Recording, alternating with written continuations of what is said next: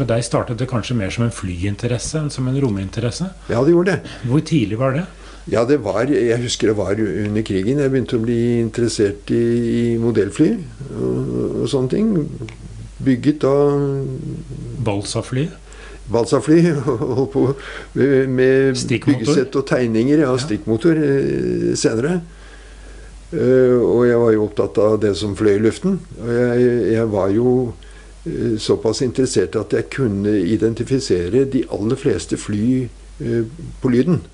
Jeg hadde jo flykjenningsbøker, da, så jeg, jeg kunne jo utseendet av det. Men jeg, jeg, klarte faktisk å identifisere eh, de fleste flyene etter, etter, lyden. Så du var litt en sånn som de kaller planespotter i dag? Ja, jeg var vel det. Selv om ikke det uttrykket eksisterte den gangen. Men eh, jeg tok jo bilder av fly. Og jeg, jeg fulgte jo med på den på Fornebu, da? På Fornebu, ja. ja. Så du var, sto tett inntil gjerdet på Fornebu? Jeg sto på... veldig mye ved gjerdet på Fornebu. Av og til fikk jeg være med på en tur også. Sier du det? I småfly, da? I småfly, mm. ja. Eh, men, men det, er jo, det, er jo, noen flytyper som har festet seg. Altså, jeg, jeg på en måte stivner til når jeg hører lyden av en Merlin-motor, altså fra en Spitfire.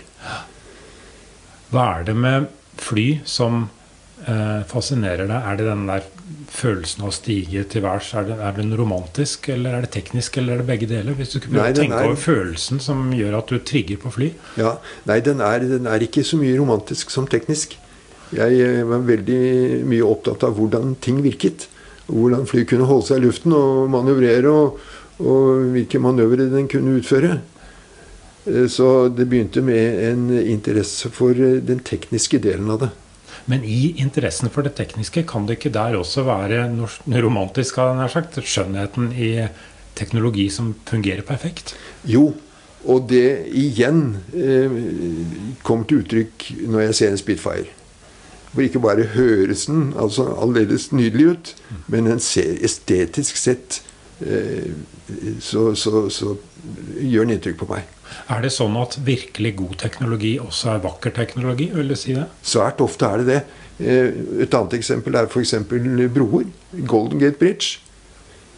Det, det, det, gjør meg veldig oppstemt, for ja. å si det sånn. Og det var jo en bro i nærheten av der hvor du tok eh, altså din mastergrad på Stanford-universitetet, var det ikke det? Jo da, det var det. Og så kom jeg jo i et miljø i California, ikke langt fra Silicon Valley, hvor, eh, hvor, man var opptatt av fremtiden. Og den fremtiden den innebar eh, også andre kloder, for å si det sånn. Og for å komme dit så må man lære seg å fly i rommet. Så det begynte vel gradvis. Men hvis vi skal tenke tilbake til den tida i California, hvordan var eh, det som seinere skulle bli Silicon Valley, hvordan var det den gangen? Det var eh, ikke så veldig åpent. Jeg forbinder Silicon Valley med det motsatte. Nesten et litt sånn hippieaktig, anarkistisk miljø. Men det var det ikke den gangen. Altså. Ikke, husk på at dette her var veldig tidlig. Ja. Etter hvert så utviklet det seg mer ja. i, i, i, dette åpne, og, og, med visse trekk som ja. var lett gjenkjennelig. Men til å begynne med så var det til dels lukket. Også ved universitetene? Ja, en del av det var det.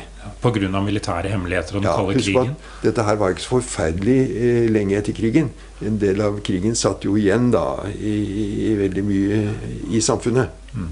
Men eh, fordi at eh, flere fra Silicon Valley også var knyttet til universitetet, så, så traff jeg både på studentnivå og på lærernivå en del av de menneskene som jobbet der.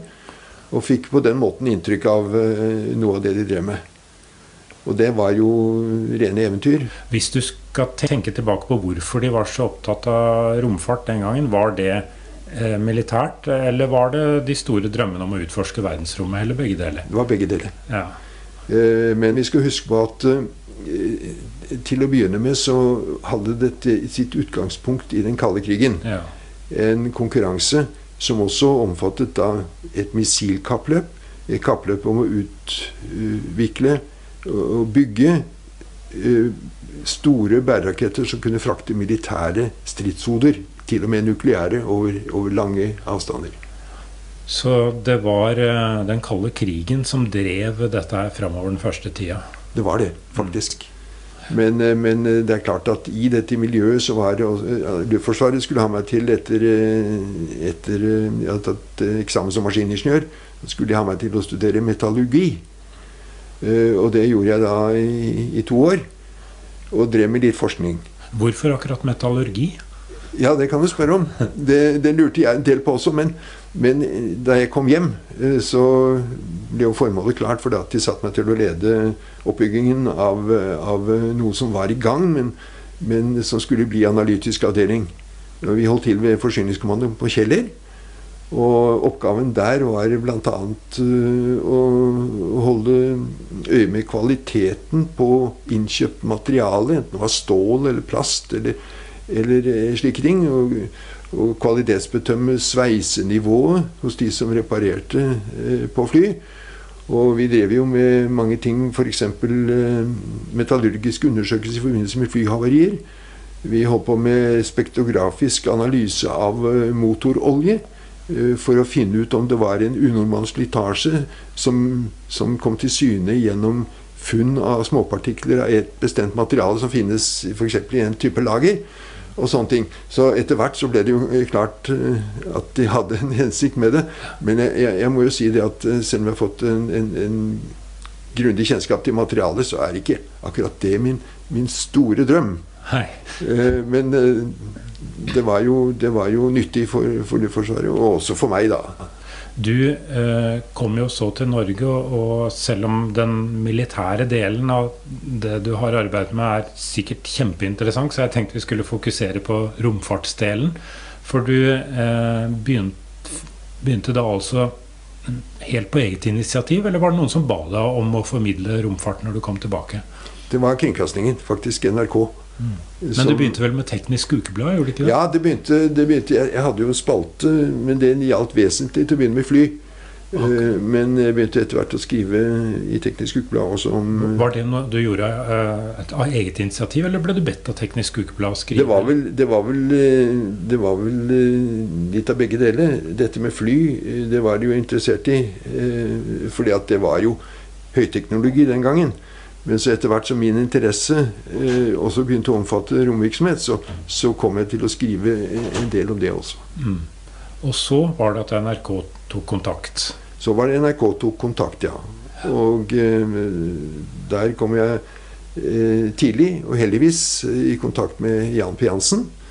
Eh, og vi jobbet sammen eh, veldig bra i, i, mange år. Jeg tenker Jan P. Jansen.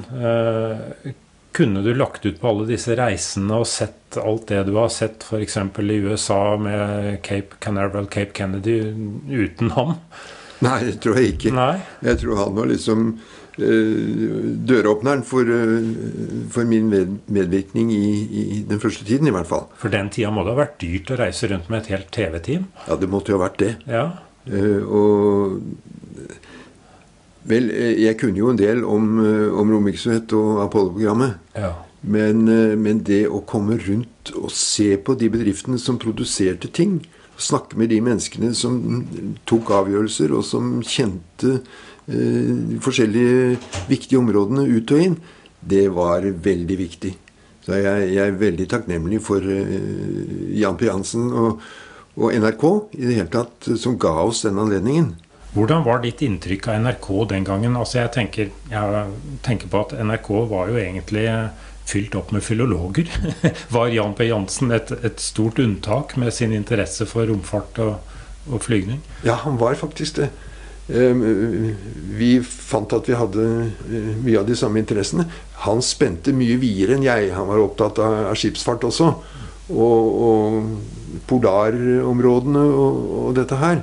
Men eh, han, eh, det samarbeidet oss, oss imellom, det, det, var et slags sånt utfyllende eh, partnerskap. Ja. Uh, for han holdt meg på jorden og stilte de spørsmålene som jeg tror folk flest ville ha svar på. og han hadde fenomenale journalistiske evner. og det gjorde at vi, vi jobbet godt sammen. Var det mest radio, eller både radio og fjernsyn? Det var, eh, det var, eh, ganske mye fjernsyn til å begynne med. Mm. Jeg husker jeg hadde første fjernsynsprogrammet vel jeg husker, det var i, Jeg tror det var i november 1960. Og, Hvor var det, var, hvis du skal tenke deg, Hvordan var studioet den gangen? Var det varmt? Var det lamper? Hvordan var ditt første opplevelse av å være på TV? for å si Det sånn? Det var mye varme lamper, for å si det sånn. Det var, var, var ikke... du veldig nervøs? Nei, ikke så veldig. Ja. Men, eh, men, eh, litt var man jo. Men, men, eh, hvis vi har tid til det, så vil jeg gjerne komme tilbake til dette første programmet jeg husker så godt.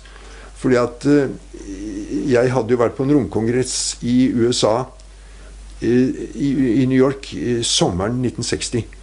Og NASA hadde da skutt opp sin første jordobservasjonssatellitt, TIROS 1. Og TIROS står for Television and Infrared Observation Satellite. Det var en satellitt eh, nærmest som en hatteske som eh, rullet, som svevet rundt eh, jorden da med kameraet rettet nedover. Så det var bare enkelte ganger at kameraene var rettet mot jordoverflaten. Den var ikke stabilisert slik at den hele tiden fulgte jordoverflaten med sine kameraer. Men, men det var sensasjonelt den gang, for disse kameraene de fortalte veldig mye om skyene skyenes bevegelser, skyenes hastighet i bevegelsen og retning. Og Det var første gang man hadde anledning til å liksom studere det på den måten ovenifra, og det var en sensasjon. Og De første data og, og, og konklusjoner ble lagt frem på denne romkongressen da, i, i, New York sommeren 1960. Og jeg husker, på, jeg husker at jeg, eh, jeg snakket med de ingeniørene som sto bak dette her, og fikk med meg Eh, en god del av de første båndene og de første inntrykkene ovenfra hjem til Norge. Akkurat datateipene med bilder? altså? Nemlig. nemlig. Og dette hadde ikke folk sett før, liksom Nei. jorden fra, fra, den siden. Og sammen med Det var Sverre Tinå som ledet Det var det veldig åpent at de ga det til Ja, ja på den tiden. Dette ja. var en sivil, ren sivil sak. Ja. Og uh, jeg kjente jo en kar av RCA, Radio Corporation of America, som sto bak mye av dette her, sammen med NASA. Og fikk med meg mye materiale hjem. Og var veldig stolt. Og eh, Sverre Tinne og jeg eh, ble enige om å lage et program. Det var før Jan P. Jansen, det altså? Ja, det var faktisk før Jan P. Jansen. Mm. Uh, og vi laget uh, da i form av samtale hvor vi viste disse bildene. Og jeg var vel entusiastisk og forklarte hva dette kunne brukes til, nemlig bl.a. Å, å, å, å følge med i uvær eh, som kunne anrette skade på sin vei, slik at man kunne få varslet tidligere. Og meteorologene var jo ganske opptatt av dette her. Dere var jo tidlig ute i verdenssammenheng med, med, å vise disse bildene for offentligheten? Ja, det var vi faktisk. Mm. Eh, men på den tiden så hadde man jo ikke opptaksmuligheter. Eh, det var direkte sending. Og en stund før sending så husker jeg Tinno sa at jeg, kanskje vi bør ha med en meteorolog. Dette her er jo meteorologiske fenomener. Og ja da, det var jeg jo enig i. Og programmet begynte, og jeg var entusiastisk og viste frem disse tingene. Og jeg glemmer jo aldri henne mot slutten av programmet, da eh, Sverre Tino vendte seg mot meteorologen. Det var en statsmeteorolog. Eh, jeg skal ikke nevne navn og spurte hva, hvilken betydning vil dette her få for fremtidens meteorologi. Ingen verdens ting, svarte han. og det, det, var jo omtrent som å rive bunnen ut av hele programmet. Jeg, jeg, altså, jeg, jeg forsto jo veldig godt at meteorologene på den tid de trengte flere observasjonsposter rundt på jordkloden. Og de trengte datamaskinkapasitet. Men, men jeg syns det var litt, litt vel mye på den ene siden å si at dette her ikke vil få noen fremtid, eh, fremtidens betydning. Eh, hvilket jo også tiden senere har, har, vist ganske klart. Har du ofte møtt den type holdninger, at romfart bare er et slags stunt ut i det svarte intet som ikke har noen betydning for menneskene? Hvorfor ikke holde oss på jorda osv.? Ja da. ja da. Og selv i våre dager så får jeg jo til foredrag eh, svært ofte spørsmål men hvorfor skal vi kaste bort disse pengene ute i rommet eh, når vi har så mye å gjøre på jorden. Så i utgangspunktet så, så, er, jo, så er jo spørsmålet relevant, for det koster ganske mye. Men vi skal, eh, for å gjøre en lang historie kort, være veldig klar over at de pengene brukes ikke De går ikke til spille ute i rommet. De brukes her nede på jordoverflaten for å konstruere, bygge, eh, planlegge, eh, operere disse systemene. Som skaffer oss veldig mye viten som vi ellers ikke ville fått tak i. Og som, som holder eh, miljøet oppe og betaler arbeid for mange godt kvalifiserte mennesker. Og dette er det som jo veldig mange, og inkludert meg, husker deg for, er jo denne månenatten. Da var du vel sammen med Ragnar Bårdtvedt i studio i, i NRK? Ja, riktig. Han ledet, han ledet sendingene. Var det en du ellers hadde samarbeid med, eller var det sånn engangs...? Nei, det var mer en engangssak. Ja. Han uh, ledet uh, denne aftenen. Uh, og, og, det var en aften med veldig mye forskjellige innslag. Dere måtte var, da bli forferdelig slitne? det, men det var begeistringen da Ja. som måtte oss oppe. Jeg husker, jeg husker på morgenkvisten da vi hadde en reprise av utstillingen. Uh, det var ganske sent på morgenen. Vi hadde holdt det gående hele natten. Da satt uh, en kameramann i en stol. Kameraet gikk. Og så var det én til i studio, men ellers var det helt tomt. Eh, Men, men allikevel, dette var altså historie. Dette var altså så, så stort og så mektig at, at bare det eh, holdt en våken, altså. Mm. Jeg husker jo også at dere hadde Kirsti Sparbo og Benny Borg i studio. Ja, er som hadde funnet fram månesanger, men til slutt så hadde de sluppet opp for sanger som handlet om månen. For det varte og rakk, dette her. Ja. Så det ble vel en sånn litt sånn en helt spesiell stemning etter hvert av at dere nesten glemte det formelle. Og dere innførte jo du-stilen, skjønte jeg, på denne sendingen her. Ja, vi gjorde det. Altså, Jan P. og jeg vi hadde jo et uh, veldig godt forhold, og, og, og vi kjente hverandre. Vi hadde det veldig avslappet. Og uh, vi, vi, uh, vi klarte å, å få skapt denne atmosfæren også med andre folk i studio. Så jeg tror vi, vi, vi var eh, bidragsytere til en mer avslappet eh, form i samtale i, i studio. Eh, Den aftenen var det jo flere paneler da, som skulle se på de økonomiske sidene, skulle se på de forskningsmessige sidene, de historiske sidene ved denne begivenheten. Og jeg husker jo noen eh, sa da ganske åpenlyst eh, at dette her var bortkastede penger. Dette her var eh, sløseri. Og det viste seg igjen, eh, så vidt jeg husker, at hvor, hvor, hvor på galt spor vi egentlig var kommet. altså. Var dette forskere, realister, eller var det humaniora-folk, samfunnsvitenskapsmennesker? Det var sammensatt, men Ja. denne, denne litt krasse kritikken den kom fra en eh, teknologibasert teknologiutdannet person. Ja. Kan du skjønne det? Ut fra forutsetningen den gangen? Var Nei. det et stunt? Var det et, et skudd i blinde? Nei, Nei. jeg, jeg skjønte det ikke. Uh, og hvis man skulle ha den innstillingen, så tror jeg ikke vi ville ha kommet uh, veldig langt. Du har jo møtt mange av disse virkelig store navnene i romfarten. Eh, hvis vi skal begynne med den første, Werner von Braun. Han var jo en Når var det du møtte ham, forresten? Ja, han møtte jeg i Princeton-tiden. Eh, som NASA-stipendiat, så eh, På 60-tallet, altså? Ja, det var i 64-65. Mm. Ble invitert til, til Mars og Space Flight Center. Altså von Braun eh, var jo eh, tysker. Utviklet av V2. Mm. Eller sto i ledelsen eh, for utviklingen av V2. Eh, overga seg med en god del medarbeidere til amerikanerne ved krigsslutt i 45. Eh, Ble først da eh, en del av United States Army. Utviklet av militære missiler, eller militære bæreraketter.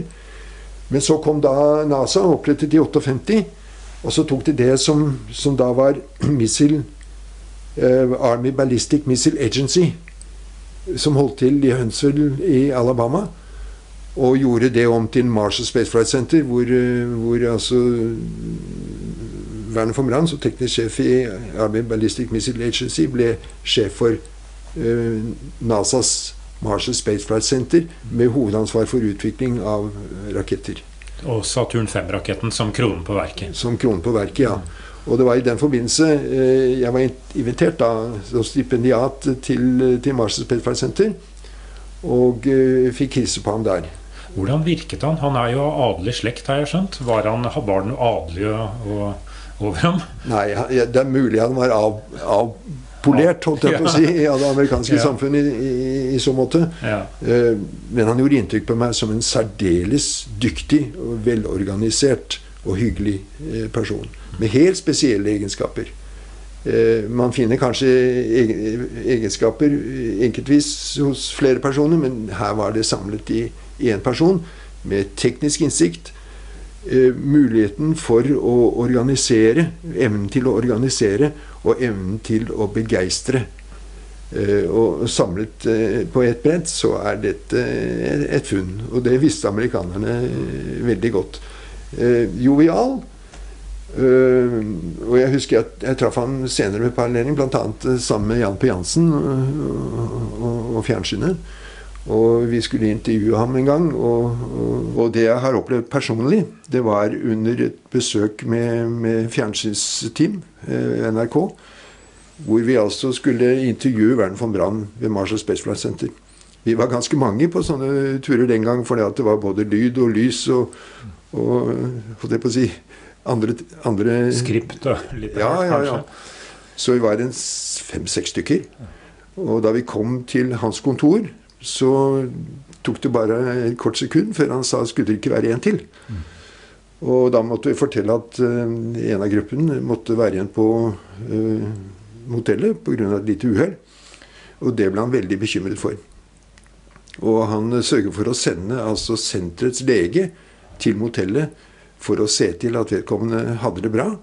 Og var forberedt på å ta ham, eh, hvis det var nødvendig, til sykehuset på Romsenteret. Ja, for han er jo blitt beskyldt for å ha drevet altså Det var jo slaveleire med grusomme forhold som bygde disse V2-rakettene, og han skal ha visst om dette her. Ja. Men den siden av ham fikk ikke du noe inntrykk av i det hele tatt? Nei, ikke da.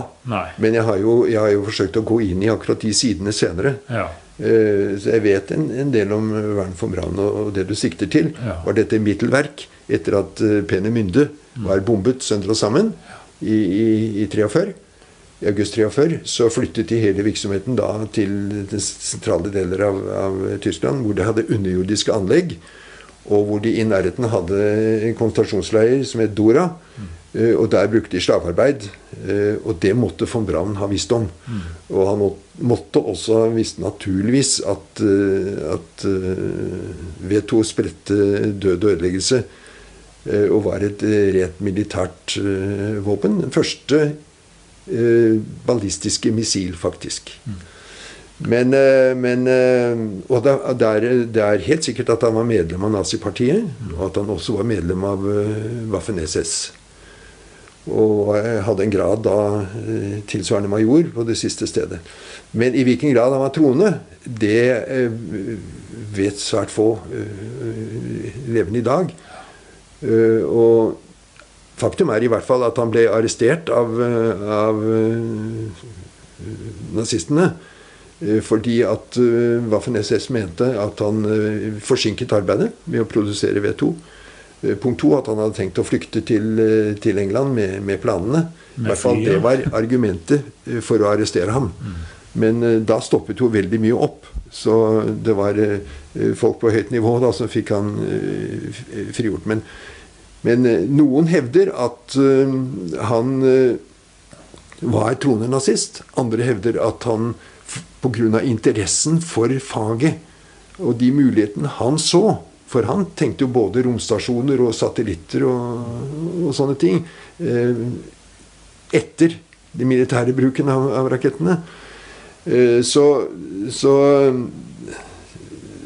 det, er, det, er, veldig vanskelig å si altså hva som egentlig rørte seg i hodet hans. Men han måtte ha visst om naturligvis både slavearbeidet og alle de som døde der eh, under forferdelige forhold. Og han måtte vite om den døde og ødeleggelse disse våpnene eh, spredte. Selv om de i ettertid, militært sett, ut fra kostnadene, neppe kan betegnes som de mest effektive militære våpen verden har sett. Hva tror du? Tror du han var eh, en oppglødd nazist, eller var han nazist av nødvendighet for å få drevet forskningen sin? Jeg tror faktisk mer på det siste. Mm. At han brant så for disse ideene, og dette her med å, å komme ut i rommet, eh, at han var villig til å ofre prinsipper på det alteret. Er det noe i det, det, bildet som er tegnet, at Russ, eh, Sovjet og USA forsynte seg av eh, den tyske ekspertisen, og at det var den som i stor grad på begge sider av jernteppet drev utviklingen framover. Altså at det sto tyskere både bak eh, Gagarin og John Glenn, for å si det sånn. Ja, det er riktig, det. Eh, De var begge på jakt etter von Brann og tegninger og, og utstyr. Eh, Men det bare var det at eh, von Brann og medarbeiderne hans ville til amerikanerne. De ville ikke til sovjeterne. Og de overga seg til amerikanerne. Og eh, de hadde med seg eh, flere tonn med tegninger. Og, en god del utstyr. Og resten ble skipet. Mens, eh, mens skal vi si Sovjetunionens motstykke til Werner von Braun, Sergej Koroljov, senere ble arkitekten i det sovjetiske romprogrammet, han ble sendt til Tyskland for å få med seg det som var igjen. Eh, han fikk ikke med seg så veldig mye, men allikevel nok til at de også be kunne begynne eh, utviklingen av raketter på basis av, av, av V2. Men det var ingen tyskere som ble hentet til eh, Sovjet, da, altså? Jo, det var, Var det det var noen få. Ja. Uh, Var de viktige? De var ikke på det samme nivået som von Brann, men, men de kunne godt gått inn i den gruppen hadde han med seg. Ja. Men, men det, var jo, det var jo over 100 stykker. 116-17 stykker fremragende eh, forskere. Ja. Hvis, du, hvis vi skal gå igjen tilbake til bio, det biografiske Jeg vet jo at du også har møtt uh, Juri Gagarin. Når var det det skjedde? Han var i, jeg har vært i Norge ved flere anledninger. Han var en gang i, i 1964, tror jeg. Eh, Da holdt han et foredrag på Blindern. Eh, Og da var jeg vel, eh, da var jeg vel eh, til stede, og, og jeg vet ikke om jeg introduserte han. Det, det gjorde jeg sannsynligvis, så vidt jeg husker. Men jeg var i en lunsj med ham. Akkurat så Eh, du fikk en litt sånn uformell prat med ham? da, Jeg fikk en litt uformell prat med ham, men jeg må jo fortelle det at eh, NRK hadde bedt meg å intervjue ham. Mm. Og husk på at dette her var i en tid da Vesten var veldig, veldig nysgjerrig på eh, Dette her var nemlig i romkappløpets tid og, og, og sovjetiske suksesser i verdensrommet. Vi visste knapt hva slags drivstoff de brukte i sine raketter. Vi hadde veldig liten greie på uh, alt mulig som hadde med, med skal vi si, stabilisering av raketter og, og i det hele tatt teknologisk nivå. Mm. Så jeg, grønn som jeg var på den tiden der, jeg eh, ble da stilt opp eh, sammen, sammen med Gagarin foran et kamera. Og, og satt i gang med, med teknologiske spørsmål.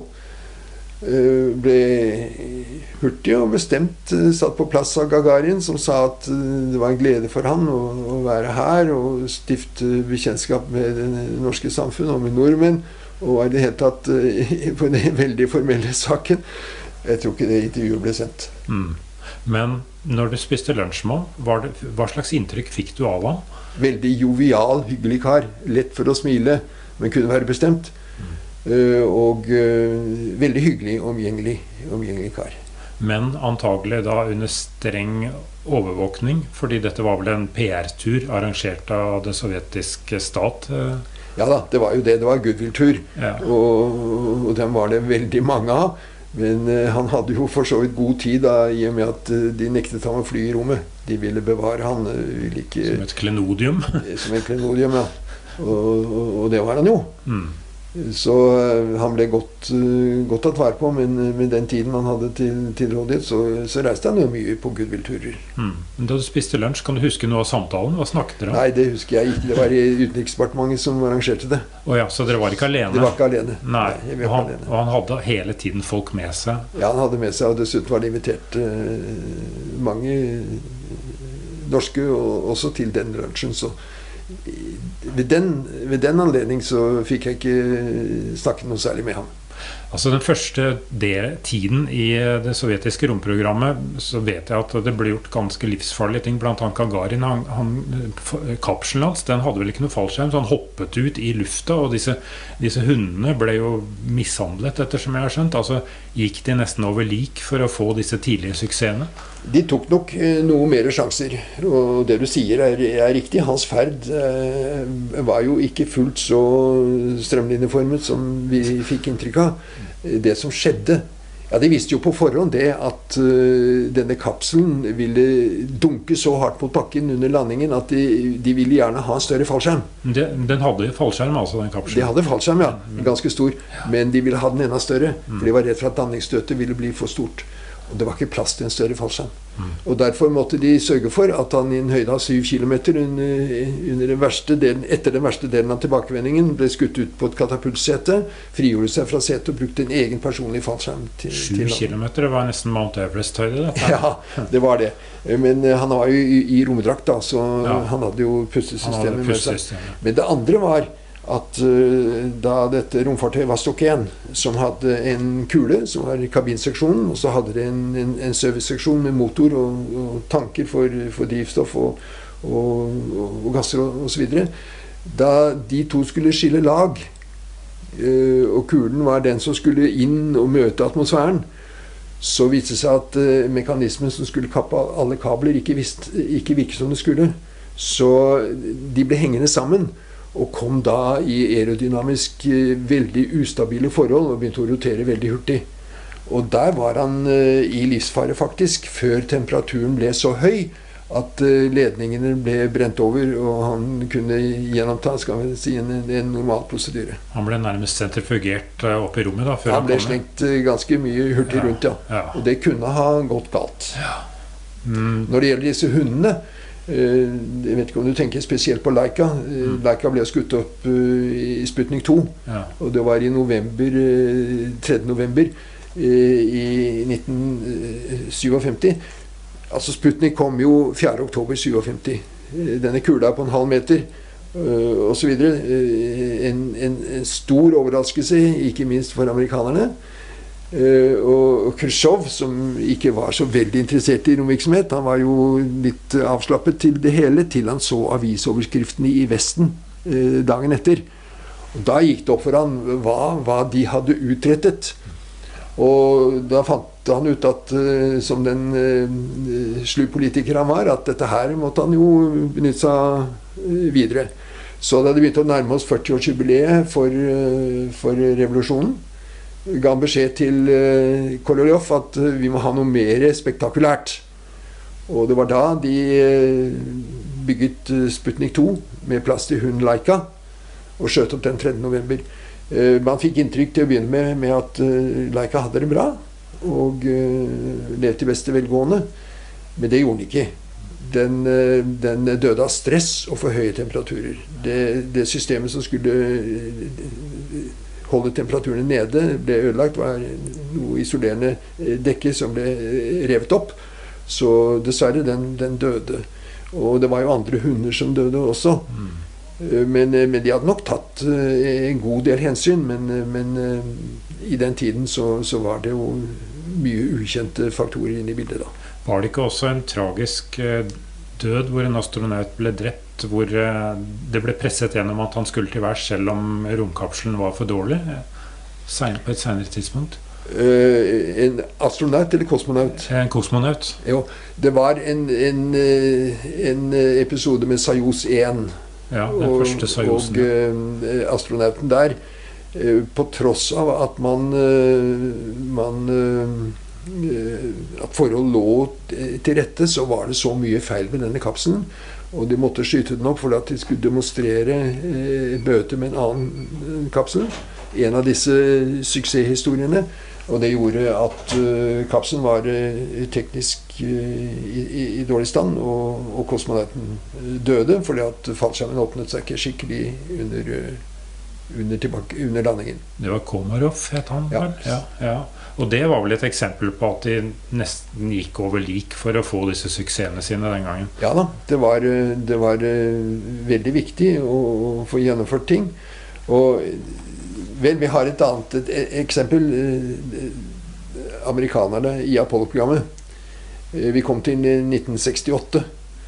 Da var det meningen at Saturn 5-raketten skulle brukes med et komplett Apollo-romfartøy for første gang.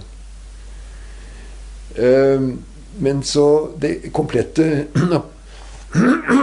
Men det komplette Apollo-romfartøyet det omfattet da en månelander. Ja. Månelanderen ble forsinket, og kom til, eh, til, eh, til NASA i, i, Florida først på sommeren 68.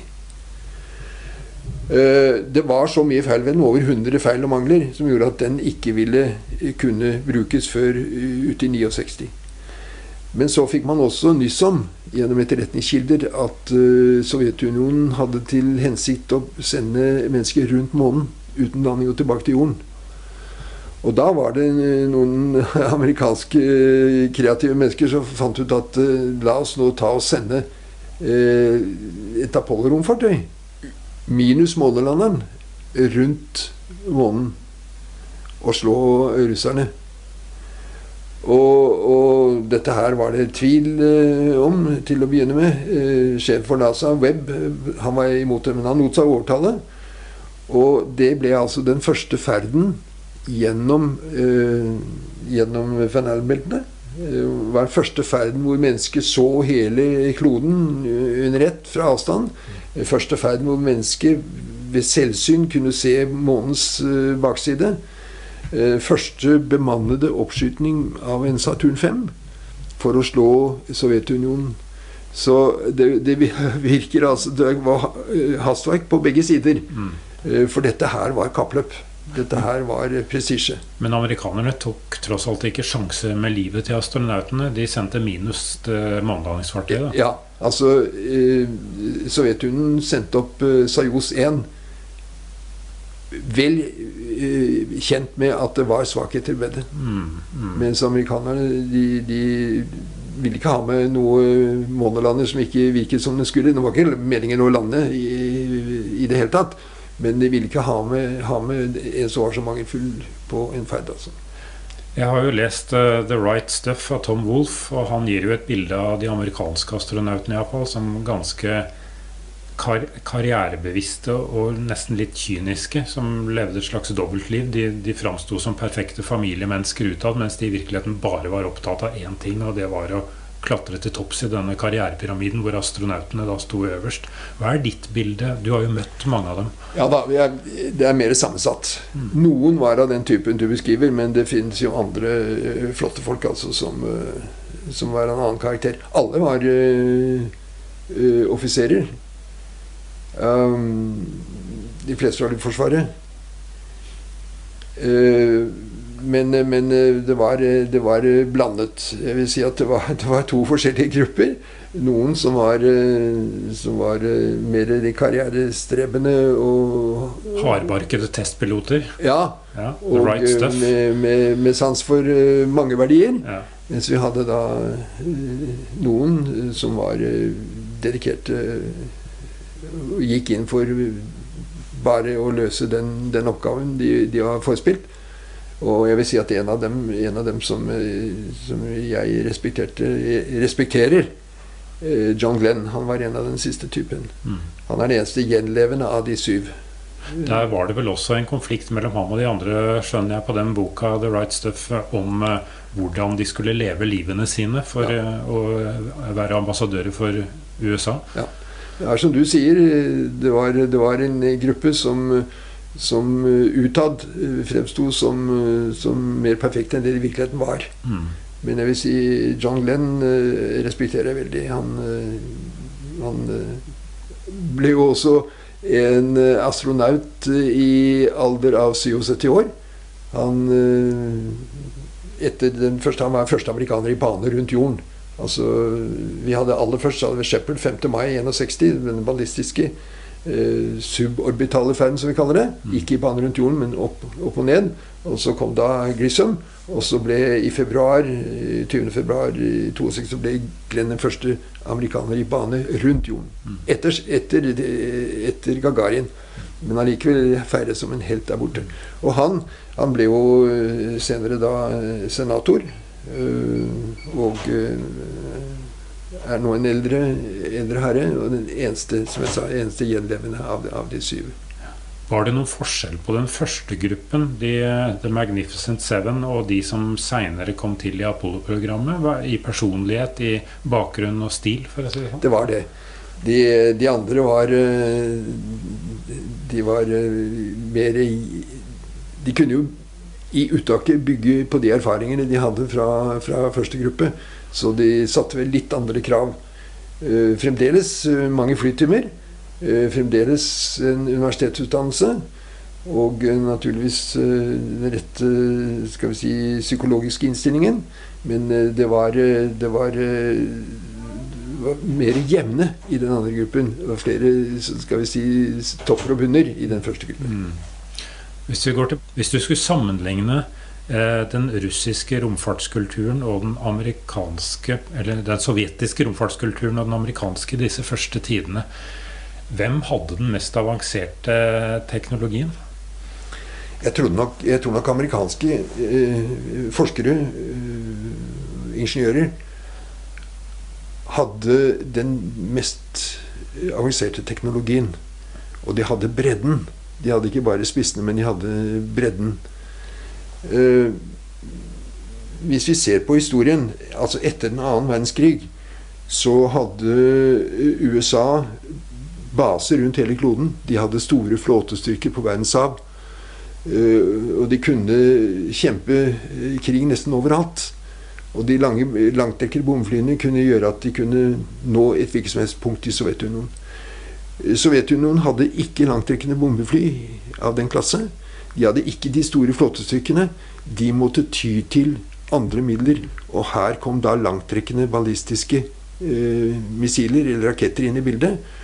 Og det var derfor de satset så tidlig og så sterkt under Koroljovs ledelse på å, å, å, få laget raketter med lang rekkevidde til å frakte deres nukleære våpen, som var noe mer primitive enn amerikanernes, og i hvert fall atskillig tyngre, slik at de tenkte kraftigere bæreraketter. Og det ga Sovjetunionen et uh, fortrinn fremfor amerikanerne uh, i dette med å utvikle, utvikle raketter. Og, og Kololjov var også veldig ivrig å få, få opp en satellitt. Og det fikk han løfte om til slutt, men først etter at han hadde demonstrert at uh, den langt, langtrekkende missilet han hadde, uh, hadde nådde målsettingene. Hvis du skulle sammenligne kosmonautene, de, de sovjetiske kosmonautene med de amerikanske astronautene, hvordan skiller de seg fra hverandre som mennesketyper? Ja, jeg tror nok uh, det sovjetiske og det russiske astronautkorpset er sammensatt av, uh, av uh, forskjellige personligheter. det er klart at det finnes Selv om de bruker alle mulige metoder for å velge de rette, så kommer det frem egenskaper som, som kanskje ikke er de aller beste. Vi ser f.eks. at uh, i, blant de sovjetiske kosmonautene så var det en del som uh, fikk uh, skal vi si, avskjed av disiplinære årsaker. Er de litt mer macho? De er i hvert fall dyktige flyvere alle sammen. Det var amerikanerne også, men amerikanerne hadde større innslag tror jeg, av akademisk utdannelse ved siden av flytimene. Så de, de, sovjetiske kosmonautene har kanskje beholdt noe av denne her the right stuff-holdningen som på sitt verste fra den første amerikanske tida? Ja, jeg, jeg tror det er mer, mer, avdempet, egentlig. Men det var utslag av noe av det samme enkelte ganger, ja. Mm. Hvis du skulle se på noen andre astronauter du har møtt som har gjort inntrykk på deg som mennesker, hvem ville du framheve da? Ja, amerikanske astronauter? Jeg kjenner jo ikke så veldig mange, da. Nei. Men jeg, jeg, jeg kom jo ganske godt inn på Neil Armstrong. Ja. Det er vel litt sjelden, for han var en mediesky person. Ja. Men uh, når man får han på tohånds, uh, tomannshånd, og han liksom føler seg uh, til rette, så begynner du å snakke med ham, og da, da var han en, en, veldig klok mann. Han var kanskje en mann som ikke likte så mye å snakke om personlige ting, men han likte, som deg, å snakke om teknologien og Ja. ja. ja. Han var prøveflyver nummer én. Eh, viste at han var koldblodig nok til å takle de fleste kritiske situasjoner som, som oppsto, både på ferder, i Gemlik-programmet f.eks., og under bruk av, av verktøy, for å trene f.eks. i landing på månen, som var utsatt for Ja, det var et nesten-havari der. Ja da, han skjøt seg ut i siste øyeblikk. Mm. En sånn der månelandertrener-greie. Ja da, det var en, eh, jetdrevet uh, uh, samling av, av, av, metall som Løser reservedeler? Ja, som skulle brukes til å, å, å simulere en, en sjette, altså den gravitasjonen man har på månen da, under landing. Uh, men han viste jo ellers også ved sin atferd altså at, at, det var et godt valg. Ja. Han hadde jo med seg bl.a. Buzz Aldrin, som var et helt annen type personlighet. Han var utadvendt. Han var liksom Der hvor det skjedde ting. Ja. Uh, og dyktig. Naturligvis han hadde jo doktorgrad fra MIT mm. i dette med møte, møte i rommet. Uh, og var usedvanlig dyktig, men en helt annen, helt annen, personlighet. Men du hadde mest sans for Neil Armstrong? Mer enn Edwin Aldrin? Ja, jeg, jeg, jeg, For å si det sånn, da Jeg følte at jeg hadde mer kontakt med Neil Armstrong enn med Buzz Aldrin. Det er virkelig sjeldent, for det jo, eksisterer jo nesten ikke intervjuer med ham i det hele tatt. Men har du intervjuet ham? Ja, og Armstrong også? Ja, altså han var i Oslo, og vi hadde en, en uh, fremtreden av ham i Konserthuset i Oslo hvor jeg, hvor jeg intervjuet, intervjuet, ham, ja. Mm. Så du føler at Aldrin kanskje var litt for PR-kåt og var litt for glad til å stille opp på alt mulig rart? Ja, jeg, han er i hvert fall mer utadvendt uh, og, og, mer synlig i terrenget. Mm. Var mer synlig i terrenget. Du vet at det var ikke det helt store vennskapet mellom de to. Mm. Og det var jo med utgangspunkt da i det Buzz Aldrin oppfattet som mulighetene for at han skulle sette det første fotavtrykket på månen. Og det var eh, med presedens i, i Gemini-programmet, Dette tomannsromfartøyet. Hvor det var en fartøysjef og en pilot. Eh, fartøysjefen satt da i venstre sete, piloten i høyre. Hvis de skulle ut i rommet og åpne lukene over seg, så var det bestandig piloten som var utenfor. Eh, fartøysjefen satt og liksom hadde oversikt over allting. Og, og, med det i tankene så mente Aldrin at uh, det var da piloten uh, på månelanderen, The Eagle, ørnen, mens, mens fartøysjefen i Armstrong sto fastspent på venstre side, så sto han fastspent på høyre side. Og han mente da at uh, president fra Gemini at han skulle være den første gjennom luken og ned disse ni trinnene da til månens overflate og bli det første mennesket som satte sin fot på månen. Var dette avklart før uh, de startet, eller var dette sånn som du tror de kanskje kranglet om underveis? Det, det, nei, de kranglet ikke underveis. Det, det var umulig. Ja. De hadde avklart det på forhånd, men, men, eh, men Aldrin var ikke enig i den avgjørelsen. Og brukte vel en del metoder for å prøve å å få endret litt på det. Mm. Og det, det etterlot, etterlot et, et, et, litt negativt uh, syn. Uh, for det var jo klart at Neil Armstrong han var sivil. han var tidligere militær, men han var, hadde sivil bakgrunn som prøveflyr, bl.a. Uh, Aldrin var jo militær hele veien. Armstrong hadde lengre ansiennitet. Han var øverstkommanderende. Det var hans privilegium å, å, å, kunne ta den avgjørelsen om hvem som skulle være først ute. Dessuten var det det rent praktiske at luken nede ved gulvet den åpnet seg eh, i en slik retning at det ville være naturlig for Armstrong å, å være, være, først ute enn en Aldrin. Ja. Eh, det som hadde vært spennende da, å høre hvis du selv vil trekke fram noen episoder gjennom alle disse årene som virkelig har gjort inntrykk på deg? Jeg har jo vært, vært Jeg har opplevd mye. Ja. Jeg opplevde først oppskytingen av, av den europeiske bæraketten Ariane 5, ja. som eksploderte i luften. Ah, du var til stede da det skjedde? Altså. Ja, og, og, så det. Og det var en spesiell opplevelse. Ja, det må det ha vært. For uh, vi sto i en viss avstand da. Så det vi først så, var et uh, veldig lysglimt. Men lyden nådde oss ikke før lenge etter. Så man fikk eh, faktisk ikke inntrykk av at det kanskje var eh, rakettmotoren som renset halsen, eller noe sånt noe. Men så kom lyden. Eh, vi så jo etter hvert denne, delen innkulen også, og var klar over at dette her var, var slutten på den oppskytningen. Men å, å, å, å, legge merke til folks reaksjon Ja, hvordan var, for var du i kontrollrommet der hvor det skjedde? Nei, jeg hadde gått ut for å se på oppskytingen. Ja. Og jeg sto sammen med øh, noen journalister. Ja. Og jeg husker den ene franske journalisten begynte å gråte. Oh. Og den andre var jo lamslått. Han fikk jo ikke frem et, frem et ord. Mm. Så det er, øh, det er noe jeg husker. Men, men øh, hvordan tok de det, de som var inne i kontrollrommet? Møtte du dem etterpå? Var de også veldig emosjonelle, eller, eller var Nei, det der var det profesjonelt. Ja. helt profesjonelt. Men Du merket vel en skuffelse under dette? Å ja. Mm. Og resten av dagen det var jo ikke noe Det var ikke noe fest? Dag. Nei, det var ikke noe feiring da, Det nei. ble ikke noe feiring etterpå. nei så champagneflaskene ble satt bort. Ja. Ja.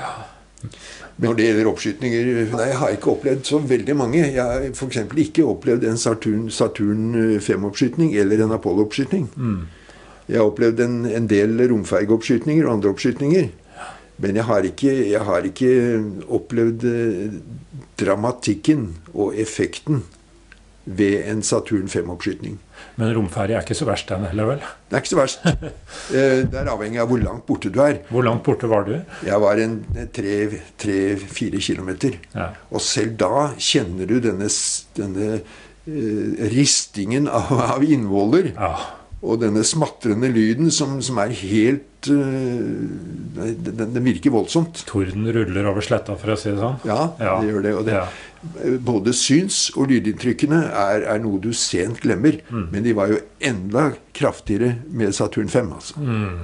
Men, men jeg har jo fra avstand da vært med på, på en del uh, litt spesielle ting. Mm. Uh, F.eks. i 99, eh, da NASA skjøt opp eh, eller De skjøt opp året før, da. Men eh, disse sondene kom frem til, eh, til Mars i, i 99. Ja. Den ene var Mars eh, Polar Lander, og den andre var Mars Climate Orbiter. En skulle altså inn i bane rundt, den andre skulle lande. Mm. Men denne, denne eh, Climate Orbiter, den fikk ikke bremset opp for å komme inn i bane rundt Mars. Den fortsatte forbi.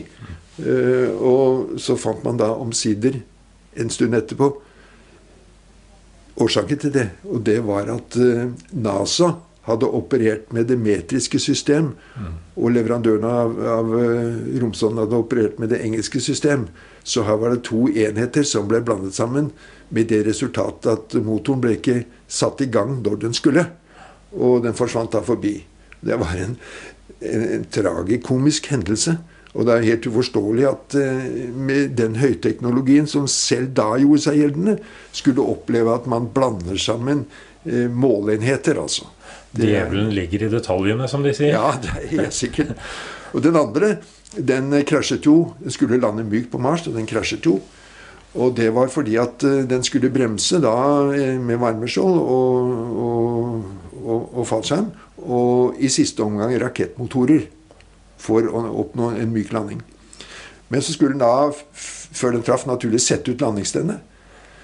Og eh, på den tiden så var jo landingsstellet kanskje litt mer mekanisk robust enn det er nå. For eh, akkurat som eldre jetfly, da de satte ut landingsstellet, så sa det pang da det var på plass og låst.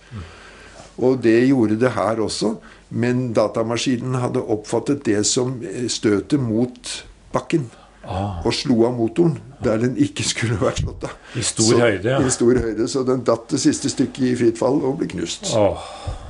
Sånne opplevelser, er det sånt som han har sagt får personlige konsekvenser for eh, de som eh, leder prosjektene? Eller hvordan ser NASA selv på sånt? Blir det Det blir grundig undersøkt, Ja. og jeg tror at avansementsmulighetene for de som leder disse prosjektene, blir eh, forringet atskillig. Så når det er i kontrollrommet, så er det personlige skjebner som står på spill i sekundene før de får kontakt med sonden? Ja, det er det. det er, eh, og det gjelder altså ikke bare han som leder, men det gjelder altså leder for forskjellige funksjoner. Ja. Har du vært til stede under en sånn landing, f.eks. på Jet Propulsion Laboratory, eller opplevd sånt på nært hold? Ja, jeg har opplevd en del eh, ting på eh, JPL, ja. Jeg har opplevd eh, passering, eh, sondepassering av, av planeter. Og jeg har opplevd også, også landing.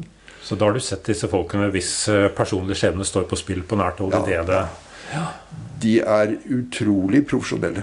mm. Eh, Men først når landingen eller suksessen er der, Ja. så bryter det løs. Altså, og da kommer følelsene frem. Og da er det, når, når vi ser dem på TV, at, at de omfavner hverandre og sånn, det er ikke noe de gjør for PR-ens Nei, skyld. det er eh, ekte glede. Det er ekte, ja. Det kan jeg skjønne. Følte du det selv også? Ja. Ble smittet over? Ble det sånn elektrisk stemning i rommet? Ja. Ja. Eh, Alle disse ulykkene, f.eks. Med, med romfergen, eh, eller Apollo 1, eller noe sånt noe, de er et eller annet eh, sted tilbake i historien eh, knyttet til en eller annen feil som er begått. Ja. Enten det gjelder kvalitetssikring, eller det gjelder feilvurdering av materialvalg. F.eks. på Challenger så var det jo feil materiale, dårlig konstruksjon i denne skjøten på, på motoren. Og i, i Colombias eh, tilfelle så var det klart at man undervurderte det at plastbiter løsnet fra den utvendige tanken på vei opp. Men Var dette systemisk, hadde jeg sagt? Var det en feil ved NASAs organisasjon, eller var det hendelig enkeltuhell som kan skje den beste? Det vil nok skje Det er jo kompliserte systemer. altså Saturn 5 Apollo hadde jo 5,6 millioner deler. Og, og det er klart at uh, du kan jo ikke få 100% pålitelighet på alt sammen. Et eller annet sted må du gjøre valg. Du må gjøre etter beste evne valg og ta noen sjanser. Men av og til så, så tar man gale valg. Men i, både i Challenge-ulykken og i Columbia-ulykken så er det det ved det at man kjente til problemet på forhånd.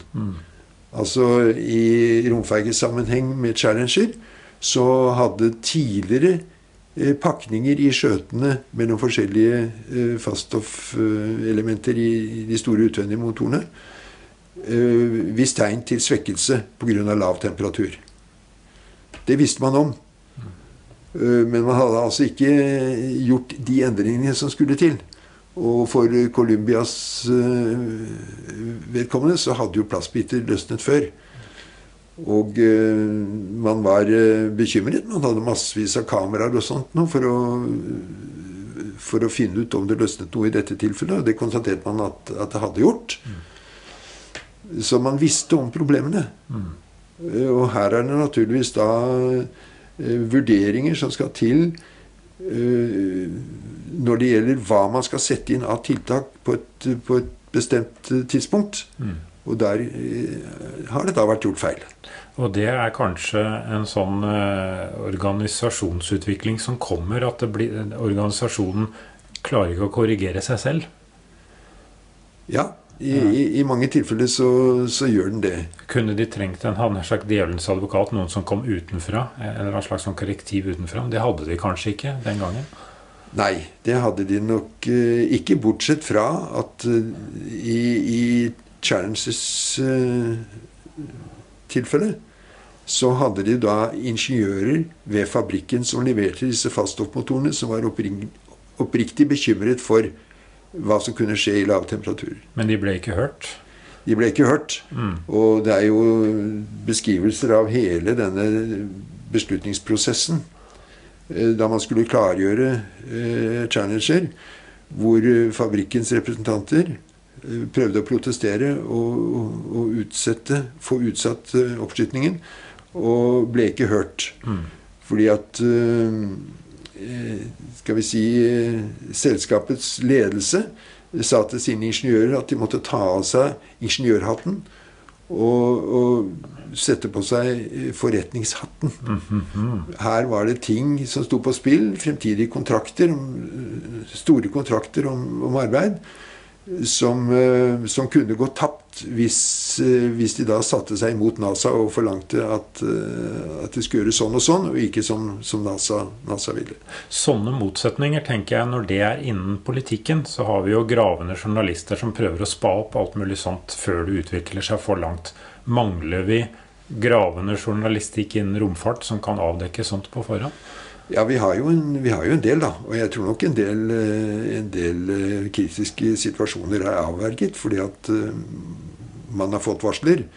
Og godt underbyggede fra kyndige folk som har gravet i det. Så media kan spille en rolle her, altså. Media kan en, spille en rolle, ja. Ja.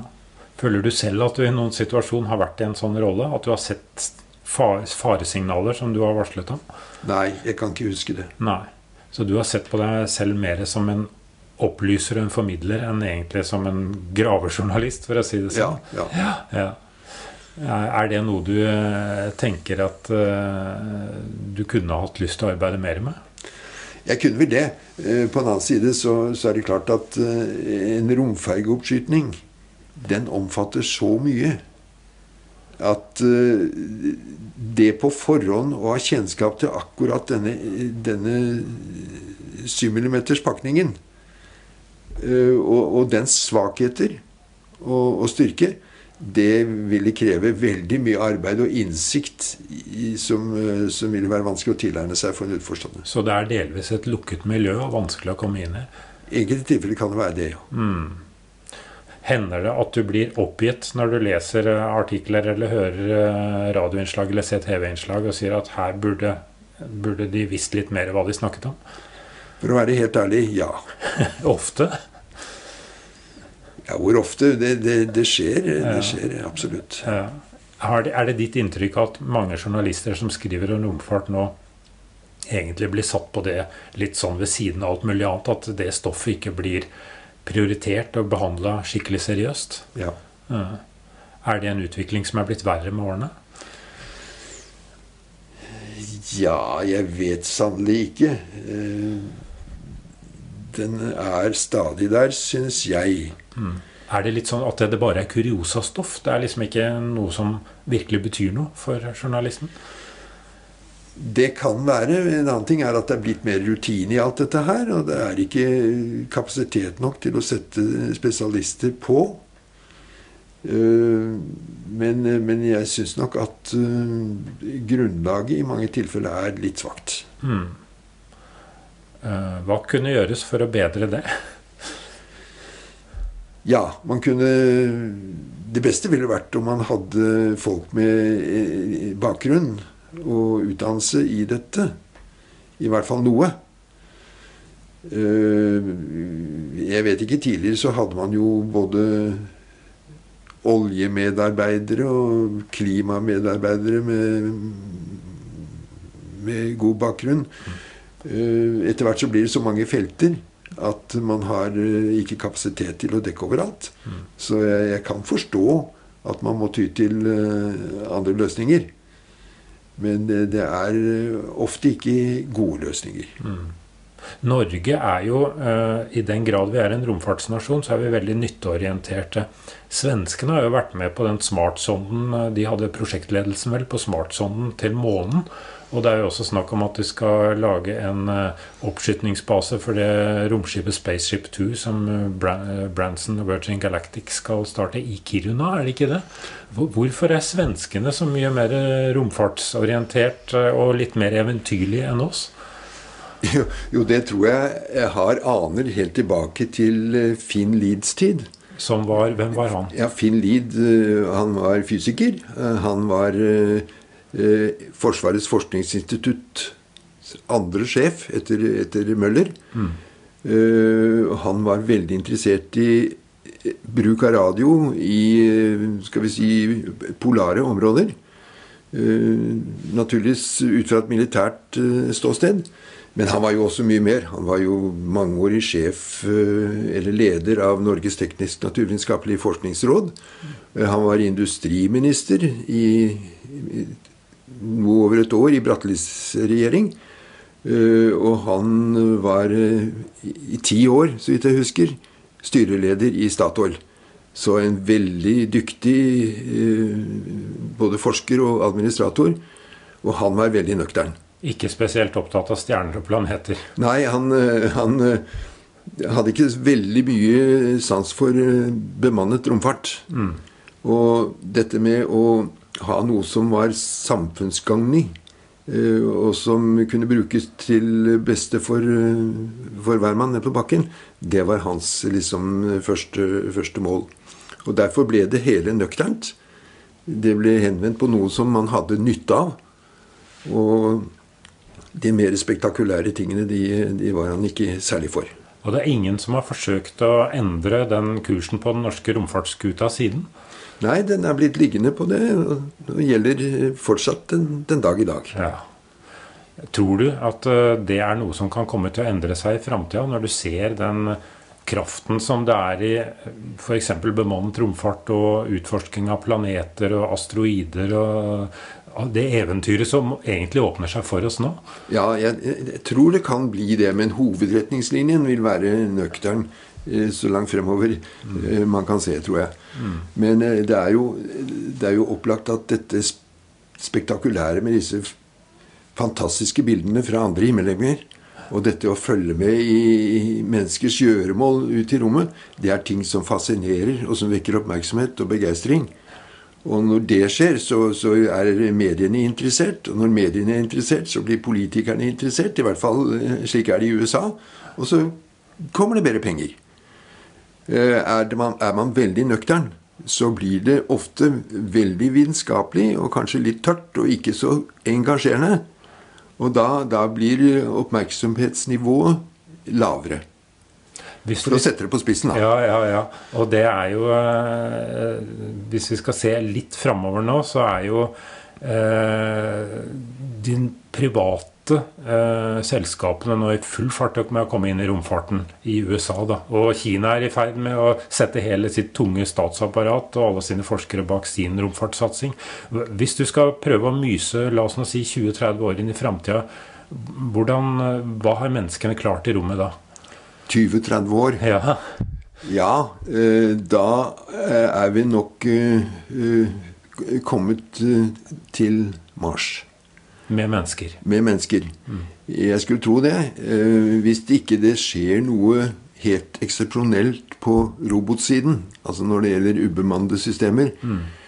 Så tror jeg at eh, Mars kommer til å fremstå fortsatt som det store målet for bemannet aktivitet. Det neste store målet. Mm. Asteroider kommer, men, men det store er jo Mars. Månen, da? Månen det kan uh, dukke opp igjen. Det er eh, krefter som, uh, som er interessert i, i, månen. Kineserne særlig, da? Kineserne er. Ja. Og det er jo litt interesse i Europa også. Ja. I, I, USA er den ikke så synlig, men det er mange som ivrer, ikke minst i Kongressen, for at man skal tilbake til, til månen. Ideen om gruvedrift på asteroider og etter sjeldne jordmetaller og, og dette helium-3-stoffet på månen Tror du nå på de eh, planene om gruvedrift? Tror du noe på de, at det kan bli økonomisk lønnsomt? Ja, Da må transportkostnadene, eh, operasjonskostnadene, vesentlig ned i forhold til, til i dag. Og knappheten må virkelig være stor. Eh, det er vanskelig å si hvordan, hvordan, ting vil utvikle seg, men vi vet at vi kommer til å få en sterkt økende befolkningsvekst på jorden. Og vi vet at eh, mange av, eh, av de råvarene vi trenger, vil det bli en knapphet på før eller senere. Og vi kan se hvordan, hvordan kinesernes interesse for å sikre råvarer i fremtiden har resultert i oppkjøp av forskjellige ressursforekomster i, i andre land. Og kineserne de, de jobber på lang sikt. Mm. Så det er eh, vanskelig å, å, å si noe konkret. Men, men, som sagt, transportkostnadene må ned. Tror du de vil gå ned? Jeg tenker på prosjekter som det britiske Skylon. De har denne fantastiske motoren i mine øyne da, som er en jetmotor i lav høyde. Så blir det en rakettmotor lenger oppe og kan frakte en karbonskrog-romferje med 20 astronauter, er planene. da. Ja da, den er, den er et interessant uh, felt. Et interessant uh, Den er et interessant objekt. Men uh, det er en del vanskeligheter som må overkommes, og en del ting som må overbevise mm. før man kan si hva det er. Denne motoren er jo epokegjørende, for den vil kjøle ned luften, slik at, at den virker mer effektivt. Mm. Og å få til det i ett motorsystem Eh, altså sammen med en rakett som kan brukes da over atmosfæren, det er ikke helt ekkelt. Men eh, den er en såkalt eh, ett trinn til bane bærerakettsystem.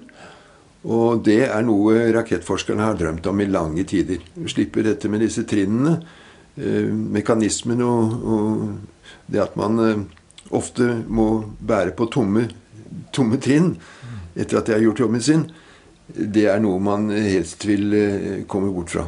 Men om dette blir løsningen, det er for tidlig å si. Nå satser jo amerikanerne igjen på store bæreraketter og romkapsler, så det er på en måte tilbake til eh, begynnelsen på 60-tallet. Mens eh, de små private selskapene satser på mindre romferjer, eh, som f.eks. Dream Chaser. Hvordan tror du den dynamikken mellom de to utviklingene kommer til å bli i framtida? Hva vil vinne fram, og hva vil de bli brukt til, romkapslene på den ene siden og romferjene på den andre sida? Ja, det er igjen litt vanskelig å si. Eh, vi vet at disse romkapslene er ganske trygge. Man forstår dem godt og kan bygge dem eh, forholdsvis rimelig. En romferge med bæreflater og, og manøvreringshjelpemidler, altså aerodynamiske forbruk nede i atmosfæren, de er mer kompliserte.